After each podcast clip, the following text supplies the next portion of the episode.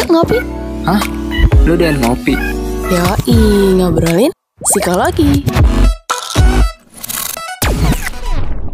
Selamat datang kembali di podcast Ngopi Ngobrolin Psikologi, sebuah podcast dari Calm yang membahas isu-isu seputar kesehatan mental.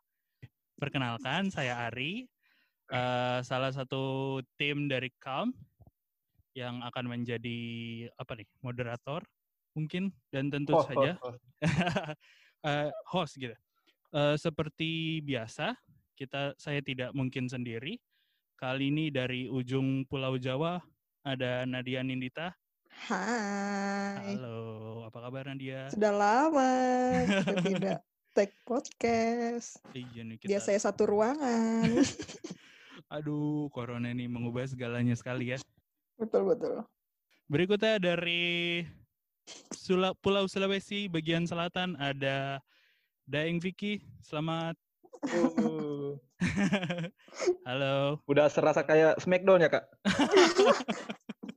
Oh iya, ini tinggal langsung bertarung saja kali ini ya. Iya. Nah, bukan ka- bukan seperti Smackdown yang habis ini akan dipertarungkan di ring ya. Eh, tapi kita cukup ngobrol-ngobrol Iya. aja. Eh, ngobrolinnya tetap di ngopi. Ngobrolin, Ngobrolin psikologi. Psikologi. Terima kasih, terima kasih. Luar biasa, luar Ini biasa. karena online jadi agak nggak kompak ya. Kali ini kita mau ngomongin satu hal yang sudah eh, biasa kita jumpai kalau kita sedang melakukan, sedang berhubungan atau relationship lebih mudahnya. Itu adalah toxic relationship. Kayak dulu ada musisi namanya Adele, mungkin teman-teman masih inget. Dia kan memulai debut. Nggak dulu juga sih kayak sampai Oh, ya. sekarang masih. Sekarang dia sangat masih luar biasa sekali ya. Transformasi. Iya sekarang dia- kurusan loh kak. Iya kan? Ih, gila itu. Jauh banget sekali. Lagi. Heeh, dia itu dulu di awal karirnya itu memulai karena patah hati nih. Dia keluar dari toxic relationship dia dan membuat sebuah karya hingga pasang mantannya tuh menyesal lah. Sekarang jadi anthem-anthem buat patah-patah hati. Iya betul betul sekali betul sekali. Oke mungkin dari Nadia atau Vicky bisa eh, apa nih menurut dari kalian toxic relationship itu seperti apa?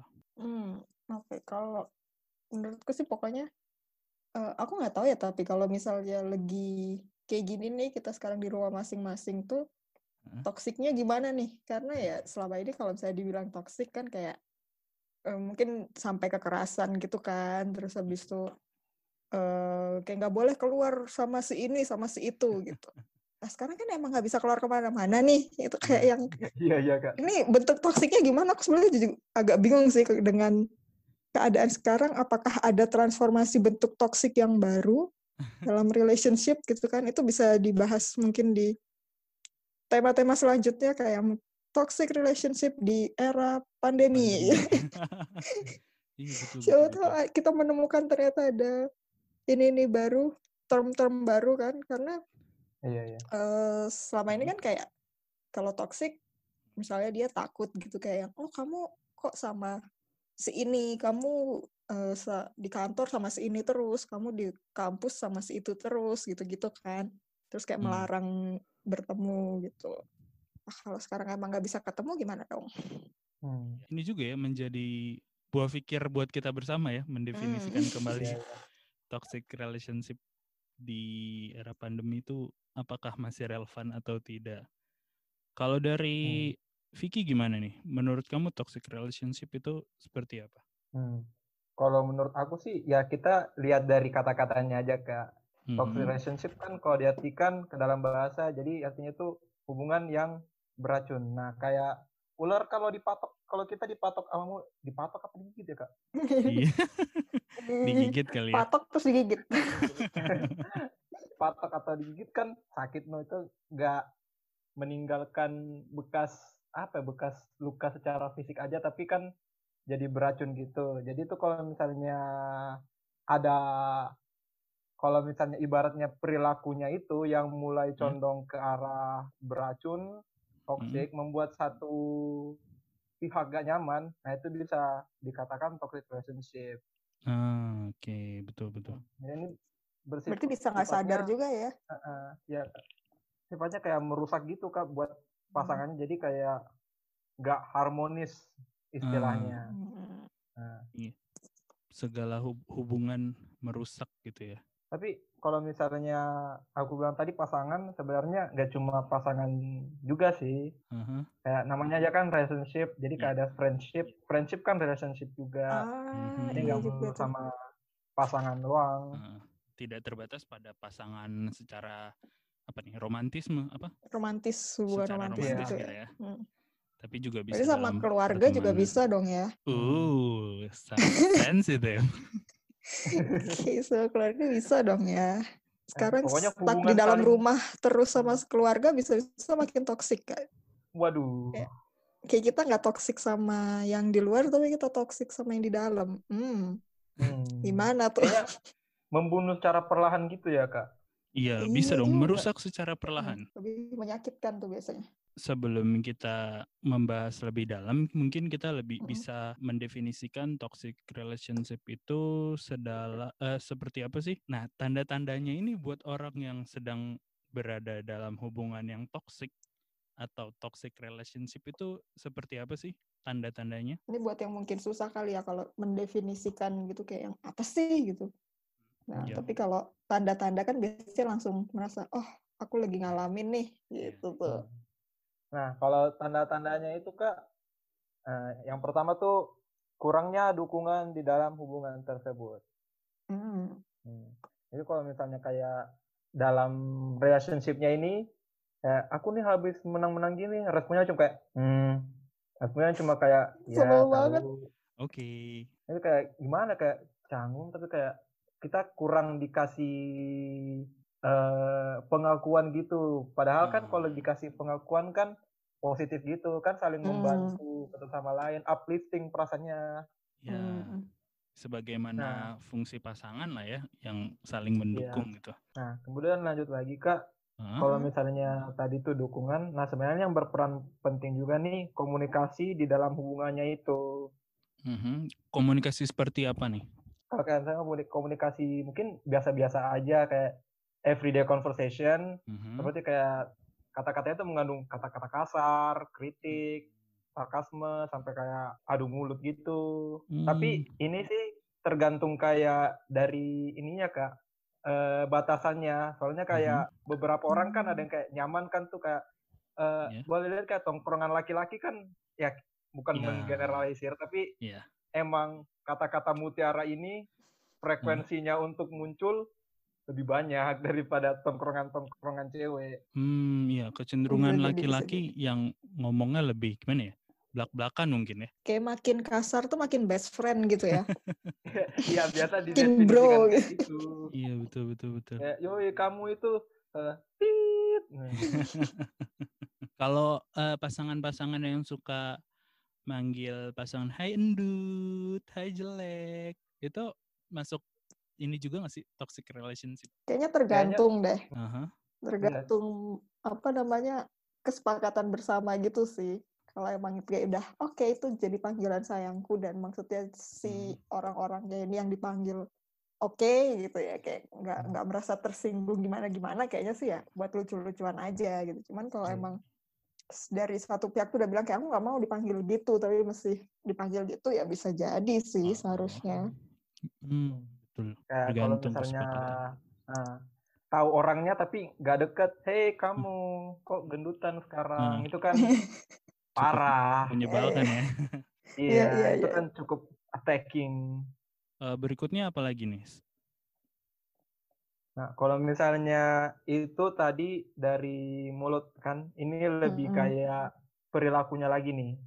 Hmm. Nah, kayak kontrol atas pasangannya ini lebih kuat gitu. Jadi kayak nggak apa dia berusaha mengkontrol semua apa yang dilakukan oleh pasangannya. Jadi kayak dikit-dikit ngatur ini, dikit-dikit ngatur itu. Kamu nggak boleh main ke sini. Kamu harus bareng aku. Kamu harus kamu harus pakai ini misalnya ke mana ke situ. Ini kayak kita pada menahan tertawa semua nih kayak hahaha pernah mengalami atau gimana nih, Ri?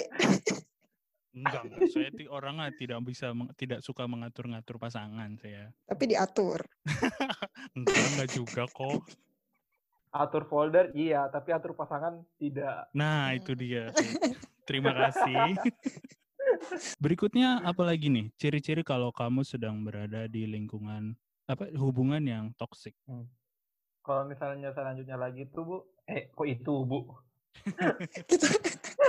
Santai-santai, Kebiasaan kuliah online kak. Iya. Maaf maaf maaf. Generasi kuliah online nih.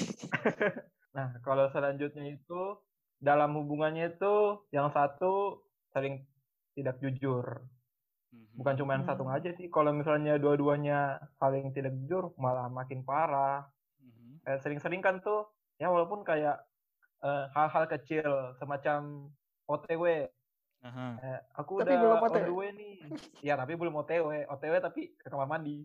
Ya, repot juga tuh. Ya kan bisa kan kita langsung ngomong aja. Soalnya kan komunikasi kan kunci utama dari suatu hubungan. Betul sekali, betul. Kan takut tapi kalau kalau bilang Hmm. mesti, oh iya aku mandi dulu kayak yang, eh kita kan janjiannya jam segini ntar tambah panjang lagi.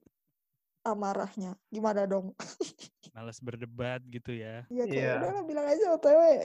Tapi kalau misalnya kita saling, ya saling kalau tergantung aja sih kak. Kalau misalnya jengkel sering dibilang OTW baru OTW ke kamar mandi, hmm, ya Iya, jangan gimana? keterusan tergantung aja ya, juga. gitu ya. Iya jangan keterusan aja kak. Benar-benar. Berikutnya ada lagi nggak nih contoh? Oh masih ada nih kak. Kayaknya Vicky pakar nih. Oh enggak. Nah kalau misalnya semacam ini masih tentang perilaku lagi nih kak. Kalau misalnya salah satu pihaknya itu selalu mengikuti kemauan sampai lupa diri, kayak lupa ngejaga dirinya, lupa jaga kesehatan, kayak Mhm. apa yang disuruh sama satu orangnya ini dia bakal lakuin sampai ngelupain diri itu sih masuk ke toxic relationship juga. Wah, itu contoh paling nyatanya ya, sudah mementingkan Iya. apa ya? Mementingkan orang lain selain dirinya sendiri gitu ya. Semacam prioritasnya itu Mhm. eh, kan sebenarnya kan prioritas kita kan diri kita dulu nih. Mm. Nah ini prioritasnya si orang satunya ini yang dia anggap malah di atasnya. Oh, Berarti sebenarnya ini jatuhnya kayak korban gitu nggak sih? Iya. Menggambarkan si Kalau- korban nggak sih? Iya. Tapi kalau lihat-lihat malah bukan jadi ini hubungannya bukan malah jadi hubungan, tapi Mhm. kayak semacam suruhan juga gitu. bucin, bucin. Sama bucin, lagi. bucin. Bucin tapi ada batasannya Kalmers. Jangan Iya dong. berlebihan. Iya. Jadi bucin tuh yang oke-oke aja lah. Yang oke-oke aja lah. Kalau ngomong-ngomong soal bucin nih, kamu Mm. kamu Vicky pernah dalam hubungan yang toksik gak? Pernah Hubungan yang ngalamin? toksik, Hah? pertemanan. Pertemanan pernah. Kenapa tuh? Mungkin bisa menjadi cerita buat Kalmers juga. eh pernah sekali itu semacam kayak hmm, lebih relate yang itu sih tadi yang kak yang ngikut kemauan gitu Mhm. berasa disuruh-suruh gitu Mhm. awal-awalnya sih kayak ya udah kita jalanin sama-sama Mhm. tapi kayak ke sini ke sini malah kayak hmm kayaknya bocahnya kayak nakan nih nyuruh-nyuruh Jadi Jadi kayak- hubungannya kayak ini ya, sopir dan majikan gitu ya. iya kak malah jatuhnya kayak gitu Kalau dari Nadia sendiri gimana nih? Punya pengalaman nggak? Oh, punya dong. Mau dari sisi apa nih? Cile. Waduh, waduh, waduh. Sepertinya Anda berpengalaman sekali nih soal toxic relationship. Saya yang Cukup, cukup. nyamannya aja deh kak nyamannya yang, yang mau share mau apa deh ke kita aja deh. iya kita kita dengerin aja kok ke Kita kita, langsung "Hm, ikut dengerin. Iya kita yo kan nggak boleh ngikut doang. Ayo nanti kamu. oh iya siap siap siap, Ini siap. nanti kita toxic nih jadinya. Langsung contoh bener juga bener juga bener juga Soalnya kebetulan emang kayak eh di lingkungan pertemananku kayak ada beberapa gitu yang mengalami. Kalau misalnya aku sendiri mungkin kayak sempet gitu ada partnya eh itu kayak entah kenapa gitu dibutakan aja buta karena cinta cile gitu kan. ya pokoknya dia Iya, kayak yang dia mau apa, ayo lah gitu. Dia butuh apa, oke lah gitu.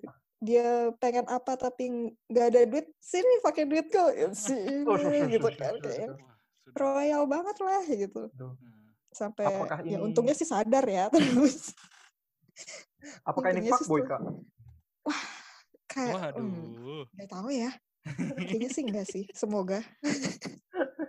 Nggak tahu sekarang bagaimana dia, apa kabarnya udah sudah bye-bye gitu ya. Hmm, Ya. hmm. Semoga sih dengan yang sekarang dia tidak seperti ini lagi ya. Hai kamu kalau mendengarkan sudah ya gitu ya. Wah. Hentikan. Eh, kalau apa kayak teman juga kan mesti lah ada yang kayak gitu. Cuman ya untungnya terus akhirnya dipertemukan dengan teman-teman yang bisa menyadarkan gitu kan. hmm. Baik, Ya Alhamdulillah ya. Ah, Mm-mm, siapa masih diselamatkan. Nah, mumpung nih Kalmers kalau misalnya tentang kayak gini, Kalmers bisa dengarkan podcast kita sebelumnya, Emotional Boundaries dalam pertemanan. Hmm, Nah, itu mungkin Wow, iya bisa betul betul. mendapatkan insight-insight baru buat teman-teman terkait Oh, jago juga nih bridging Anda nih. antara wah iya dong. Itu bisa memberi insight kepada teman-teman gimana sih caranya eh, memasang garis imajiner emotional boundaries ini Tentunya dari kita semua tuh dan Kalmar tentunya nggak pengen dong terjebak dalam hubungan yang toksik gitu. Nah, ada ada tips gak dari kalian ini untuk menyudahi hubungan eh, seseorang untuk keluar dari hubungan toksik tersebut? Oke, sebagai yang pernah ya, Ci, Ya, sebagai pakar toxic relationship nih. akan saya coba berikan beberapa tips yang manjur di saya. gitu. Semoga manjur di Anda semua ya, Kalmers. Apa tuh? Yang pertama sih sebenarnya emang eh, lingkungan sangat berpengaruh sih, entah itu Mhm. keluarga, entah itu teman, pokoknya jangan sampai kayak di keluarga toksik, di teman toksik, di apa namanya relationship pacaran toksik gitu kan ya nggak bisa keluar ke mana-mana kita susah gitu. Hmm, Cuman kalau misalnya anggaplah pacar nih yang toksik gitu, cuman kayak kita punya teman-teman yang positif yang mendukung gitu, itu biasanya aka- kita akan kalau teman-temannya baik ya, nggak Iya. toksik juga ya, itu kita bakal ditampar-tampar lah gitu kayak yang bego banget sih, gitu kan. Aha. Jangan maulah dibegoin gitu gitu kan. Pasti mereka akan menyadarkan dengan versi yang mereka sendiri-sendiri lah entah gimana caranya, cuman pasti akan dia bisa keluar lah gitu. Terus keluarga juga gitu kalau misalnya yang agak susah tuh kalau misalnya yang toksik dari keluarga sih memang Mhm. dengan budaya kita yang begini gitu kan ya yang kayak kayak soalnya kayak sosial paling gitu. utama gitu nggak sih kak? "Mm-mm," kayak center kita kan di keluarga nih kalau menurut Hmm. budaya kita dan ya mungkin seharusnya memang begitu ya eh, lingkungan pertama adalah keluarga gitu terus tiba-tiba mereka yang toksik nah itu biasanya agak sulit dan mungkin ban- butuh bantuan yang lebih profesional gitu kan Hmm, betul, betul, itu sih betul. cuman ya pertama tuh kayak perhatikan lingkungan sih Oke. tuh cari yang positifnya cari bantuan lah gitu ya Habis itu apa lagi tuh kak? terus yang selanjutnya itu kadang tuh sebenarnya yang dia yang ada di lingkungan toksik atau di relationship toxic relationship ini sebetulnya nyadar kalau misalnya dia ada di lingkungan toksik tapi denial aja kayak enggak kok aku nggak apa-apa gitu aku Hmm. kuat ini gitu kan Sering dijumpain di teman-teman yang sok-sok tahan ya kak? iya kayak aku kuat kok aku bisa merubah dia ya elah Stop. kayak anda siapa gitu bisa merubah orang gitu Iya, kan itu. Anda yakin bisa tahan selama ini? Gitu kayak apalagi kalau misalnya yang pacaran gitu kan terus kayak Hmm. ah nggak apa-apa deh aku nikah sama dia kan nanti setelah menikah dia pasti berubah Hmm. dari mana jaminannya hei Iya. Hmm. kan tidak ada jaminan garansinya kalau Hmm. dia nggak membaik kita dapat apa gitu kan nggak ada gitu. Iya betul betul betul. Nah, makanya itu Jadi kayak kayak- semacam trial dulu gitu ya kak. Kayak trial coba dulu untuk beberapa hari. Nah, iya apakah cocok? Apakah tidak? Nah, nanti baru dilanjutkan ke tahap selanjutnya.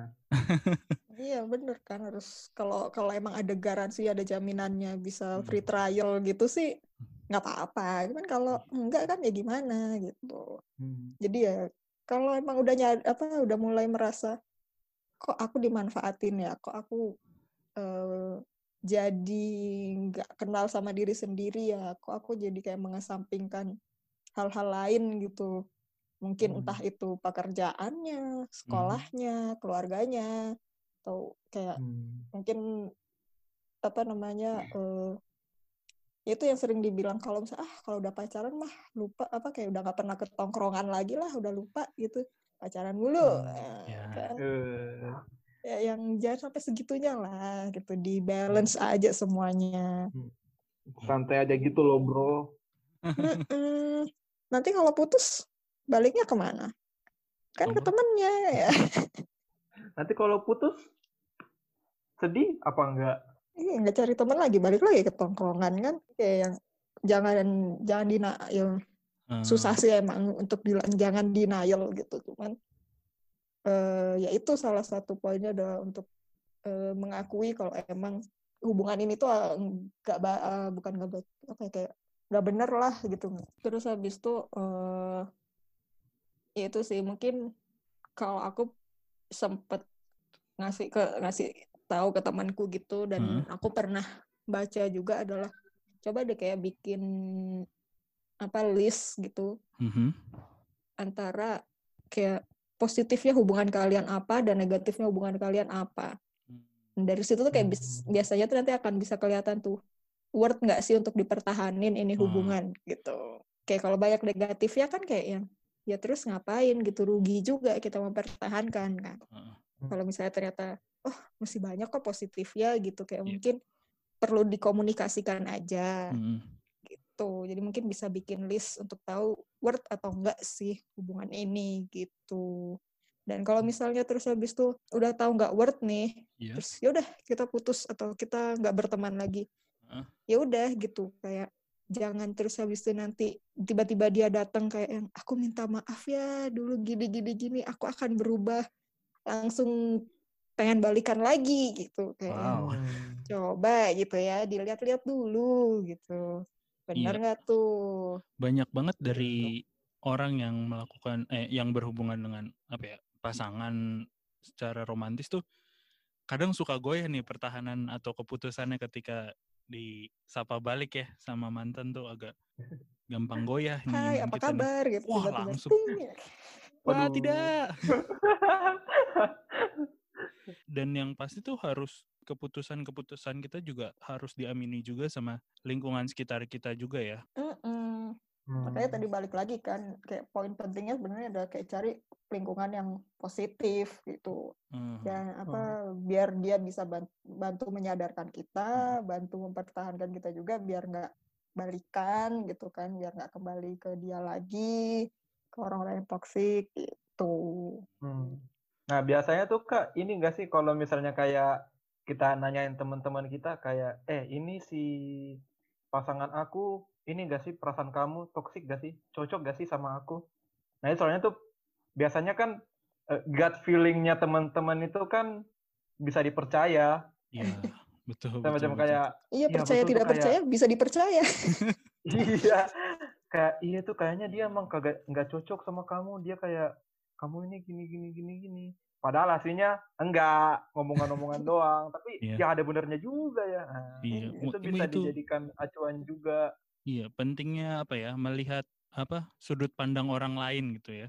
Mm-mm. Nah, Ya, mungkin memang keputusan terakhirnya tetap ke di yang melakukan hubungan, tapi pengamatan-pengamatan teman sekitar tuh cukup jadi pertimbangan juga ya. iya. betul Sebagaimana eh, orang teracuni, kita kan juga pengen dong nih eh, hubungan kita kembali sehat apa atau di apa ya disembuhkan. Ini Mm. apa sih ini kak eh, tips-tips dari kalian untuk mengobati bagaimana cara kita untuk mengobati hubungan relas- eh, berhubungan dengan orang lain ke depannya? Mungkin dari kak Vicky kali ya. Kalau dari aku sih ya sudah dibilang sama kita semua kita ta- kita semua tahu teman-teman kita adalah support paling pertama buat kita ya membantu kita dalam segala macam rintangan dan Wah. Selama bukan temannya yang toksik ya dan duka. Iya, selama nggak toksik. iya betul membantu melewati gunung dan lembah, semacam Hattori dan teman-temannya. Ya, wow, seperti ninja nih. Kan ada tuh kan pepatah, if you want to go fast, go Hmm. alone. Ya, Hmm. But if you want, want to go far, Ya, go together. Asik, asik. Seneng banget nih dengar Vicky ngomong bahasa Inggris nih. Masa ya? Eh, selain itu apa lagi nih? Selain kita mendapatkan support dari orang-orang sekitar kita. Hmm. Selanjutnya itu, nah ini mungkin Kalmers agak bosen ya dengernya. Kalau misalnya bridging-bridgingnya masuk ke podcast yang lain-lain, tapi ini Hmm. nggak bohong karena podcast sebelumnya kita membahas tentang self care 101. Nah, di situ kami telah berbincang bagaimana sih merawat diri tuh, merawat diri untuk kepentingan pribadi juga. Aku kasih contoh aja semacam kayak olahraga, Ya. membaca buku, Mm. membeli hadiah untuk diri sendiri. Nah, itu juga sebagai cara agar kita menyembuhkan diri dari toxic relationship. Hmm, menarik, menarik. Mungkin kalau sebelumnya kalau beli hadiah-hadiah buat pasangannya gitu ya. Nah, sekarang buat diri sendiri aja udah gitu. Terus apa lagi tuh? Nah, kalau misalnya ini kan kita nggak berhenti-berhenti memberitahu kepada Kalmers untuk kepentingan yang pertama itu kan buat diri sendiri. Ya. Nah, ini waktunya kita untuk take your time. hmm, Menikmati waktu secara pelan-pelan. Coba kita atur dulu apa sih prioritas kita, apa sih yang hubungan paling awal ini kayak eh, yakin gak sih kita mau mulai berhubungan dengan orang lain lagi sehabis past relationship kita. Nah, ini sudah waktunya sekarang kita coba berpikir-pikir ulang. Hmm. Semacam kayak take it slow gitu. Apa sih namanya? Wallace. Hmm. Mungkin Nah, kalau sebagian orang kan begitu putus langsung kayak aku harus cari pengganti gitu kan. Aku harus dapat Iya. pasangan lagi gitu kayaknya. Santai aja gitu. kalau banyak mantan itu hal positif atau negatif sih, Kak? Wah, itu berpengalaman. Oh, berpengalaman. Iya, entah baik atau tidak, berpengalaman. berpengalaman. Dikembalikan ke deskripsi Kalmers masing-masing. Iya, betul, betul. lanjut lagi nih. Kalau Hmm. misalnya tadi kita ki- udah take your time, take take it slow. Nah, ini selanjutnya coba kita bicarakan mengenai perasaan kita. Kita bisa Hmm. kayak eh, bercerita kepada teman-teman. Ya semacam curhat-curhat gitu supaya kayak lama-lama kan hal-hal yang dipendem kan kalau lama-lama kan gak baik. Ya. Nah, ini waktunya kita keluarkan. Atau kalau misalnya nggak ada teman buat curhat, kita bisa langsung curhat aja ke buku atau misalnya ke lewat medium-medium lain. Iya. Nah, kalau lewat buku kan kita tulis perasaan kita semacam, Kalau ngupload Nah, tembok warna hitam, terus Waduh. ada lagu galau, waduh, itu bisa juga sih kak. Itu bisa juga ya. kayaknya masuk mengekspresikan diri, cuman Oh, nggak subliminal gitu. Kayak ini lagi apa, mau nanya tapi langsung coba hubungi teman aja. Hey, kamu ada waktu nggak? ah, Nah itu kita nanya dulu kayak kalau misalnya nggak ada waktu, kita cari teman yang lain. cari teman yang lain, betul, betul, betul. Kalau misalnya kita ca- udah cari teman yang lain, kan bagus kan tuh. Kalau misalnya kayak, jadi kita kayak nggak merasa sendirian menghadapi semua ini. Ada yang banget. support kita. Nah pas ada dua teman baru tuh, nah itu kita gak usah takut untuk berbagi cerita. Iya, Kita ceritain aja, apa kamu gini-gini. heeh. sudut pandang orang baru juga kadang lebih objektif ya dalam melihat sesuatu ya. Betul, Iya. betul. Punya teman baru tuh jadi kadang apa ya ngobrol sama orang apa sama orang stranger gitu, kadang bisa ngasih kita sudut pandang lain juga buat pertimbangan Hmm. kita dalam relationship gitu. Yang kadang mind blown juga kayak tiba-tiba, hah iya ya nggak pernah kepikiran kayak begini. Nah iya itu, itu biasanya paling seru-serunya kayak gitu kak. Tuh kayak, oh iya sih gini gini gini gini. Mungkin kayak agak susah ya terkait dengan situasi kita sekarang juga yang Ya, nggak bisa langsung ketemu eh, untuk mencari teman baru tapi nggak terbatas kayak gitu juga walaupun ini ada namanya dating apps tapi bisa jadi friendship apps kan nah, Iya. bisa cari teman baru lewat dating apps soalnya kalau aku pakai wah bagus mendapat teman baru di dunia maya tanpa harus bertemu secara langsung secara langsung ya. Lumayan itu. Nah, sama yang paling penting sih kalau misalnya teman nggak bisa nolong, kemudian perspektif kita masih terpatri sama yang sebelumnya dalam melihat hubungan, menurutku nggak ada salahnya juga buat cari bantuan profesional ya. Salah satunya Benar. seperti konseling. iya Apalagi mungkin ya itu kayak yang aku bilang tadi kalau udah toksiknya terkait keluarga gitu kan. Mungkin kayak walaupun kita curhat ke teman atau ke pasangan, saya teman dan pasangannya nggak toksik tapi keluarganya yang toksik. Cuman kan kayak ya nggak mungkin dong temannya tiba-tiba marahin keluarga kita, orang tua kita atau adik kakak kita kan Hmm. nggak mungkin gitu kan. Jadi Iya. mungkin ya itu kayak bisa dengan bantuan profesional. Atau mungkin kalau misalnya eh, udah sampai yang kekerasannya fisik nih kayak toksiknya Hmm. tuh udah sampai fisik gitu kan. Iya. Kayak itu selain bekasnya di badan kan nanti kayak bekas di pikiran dan batinnya tuh akan lebih sakit juga, Heeh. lebih susah juga. waduh Lebih berat untuk mengobatinya ya.